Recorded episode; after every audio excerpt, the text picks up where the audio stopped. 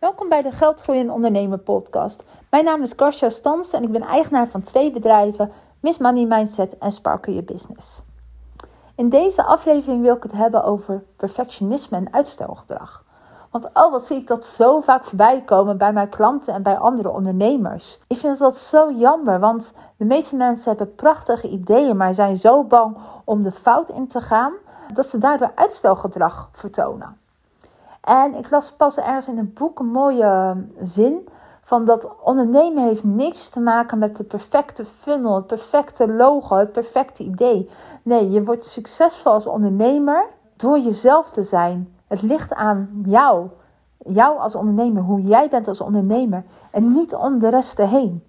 En ik kon me daar zo goed in vinden. Want nee, mijn sales funnel is echt niet perfect. Ik zit niet in de traditionele sales funnel. Mijn Instagram feed, oh die kan honderd keer mooier. Ik heb wel een gratis weggeven. Promote ik die veel? Nee. Ik krijg heel veel van mijn klanten binnen via mond-op-mond reclame.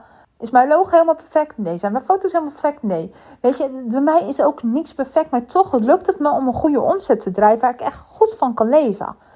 En daarvan vond ik, natuurlijk uh, ben ik ook wel eens in twijfel, hè, waar ik denk van, hé, hey, moet ik ook niet die sales funnel? Want ik weet niet hoe het met jou is, maar ik ben echt, soms raak ik heel onrustig. En daar heb ik het natuurlijk vorige keer ook over gehad in een van mijn vorige podcasts over vergelijken.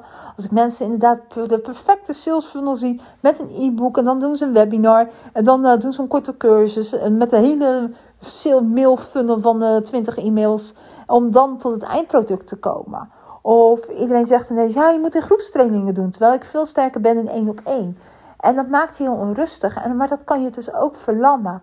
En niet alleen door te vergelijken, maar ook door uh, wat iedereen aan het zeggen is hoe het zou moeten. Als je dat loslaat, van hoe het zou moeten en dicht bij jezelf blijft wat goed voelt, dan heb je de helft al overwonnen. Ik ben op een gegeven moment met ondernemen gestart en ik ben het gewoon gaan doen. Naast mijn loondienstbaan, maar ik ben het gewoon gaan doen. Ik ben klanten gaan vinden. Had ik het perfecte logo? Nee, ik had al tien klanten zonder het perfecte logo. Dus het hoeft niet perfect te zijn. En ik zie, ik had pas een gesprek met een aantal klanten van mij toevallig. Het waren een beetje allemaal op een rij. Die hebben dan een geweldig idee. Die blijft maar in die voelfase van, goh, ik weet niet hoe het voelt. En uh, mijn intuïtie zegt dit. En uh, die blijft een beetje in die uh, creatiefase. Maar als ze daadwerkelijk doen, dat ontbreekt. Die actiemodus ontbreekt. En dat is zo zonde. Dat zie je heel vaak. Hè? Van, mensen worden aangezet op het creatie-idee van... Goh, wat zou ik willen? Wat zou mijn passie zijn? Maar daadwerkelijk doen. En dat komt volgens mij ook omdat heel veel uh, ondernemers op het perfecte moment... op het perfecte idee zitten te wachten. Ja, dat is er niet. Naar mijn idee is het perfecte idee of moment er nooit. Want namelijk als je het gaat doen, dat heb ik ook gehad natuurlijk de afgelopen twee jaar. Zodra je bezig bent, verandert alles. Verandert je idee, verandert je doelgroep, verandert je verlangen. Omdat je leert on the way. Het is niet gelijk perfect. Weet je, ik deed ook dingen die ik niet leuk vind. Heb ik afstand van genomen de afgelopen twee jaar. Ik heb van klanten afstand genomen de afgelopen uh, twee jaar. Omdat het toch niet mijn ideale klant was. En dat hoort bij het proces. Maar als ik ooit was gestart ergens uh, twee jaar geleden met het idee van... Nou, dit is het idee en dit moet het zijn ja, dat had natuurlijk nooit gewerkt. Dat bedoel ik ook met het vergelijken, weet je. Als je allemaal moet horen wat je eigenlijk allemaal moet doen om een succesvolle business te zijn. Ja, dat werkt voor die persoon, maar het hoeft helemaal niet voor jou te werken. Um, want ik zei, ik had vorige week inderdaad een uh, moment waar ik ook weer ineens dacht van... oh, ik moet ook een perfecte sales funnel hebben. Met inderdaad het uh, verliefd, verloofd, getrouwd uh, gedeelte. En ik had het daar met een paar andere ondernemers over tijdens een lunchpauze. En die zeiden ook allemaal van ja, maar wij hebben dat ook helemaal niet. Mij komt, ik heb nog nooit, eh, die waren allemaal ervaren ondernemers, allemaal vijf, zes jaar in het vak. En uh, die zeiden allemaal van ja, maar ik heb dat ook niet. Bij mij komen klanten gewoon via mond-to-mond reclame, via mijn netwerk. Toen dacht ik, oh ja. Weet je, maar dat hoor je natuurlijk. Als je dat op dat Instagram ziet en een beetje uh, de bekende ondernemers volgt, die zitten allemaal in die sales funnel, allemaal in die marketing funnel. Maar er zijn natuurlijk veel meer manieren om te ondernemen.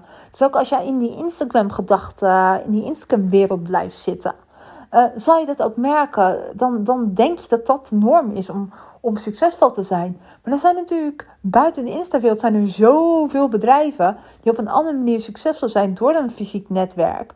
En, nou ja, in ieder geval wat ik wil zeggen, er zijn meerdere redenen naar Rome toe om succesvol te worden. En al die redenen mag je helemaal gaan proberen. Die mag je uitproberen, die mag je afwijzen, die mag je omarmen. Uh, alleen blijf in beweging. Blijf niet in de creatiefase, maar ga in die actiemodus. Dus het gaat voornamelijk van kom in die doelfase. Ga het gewoon proberen. Ga er gewoon op uit.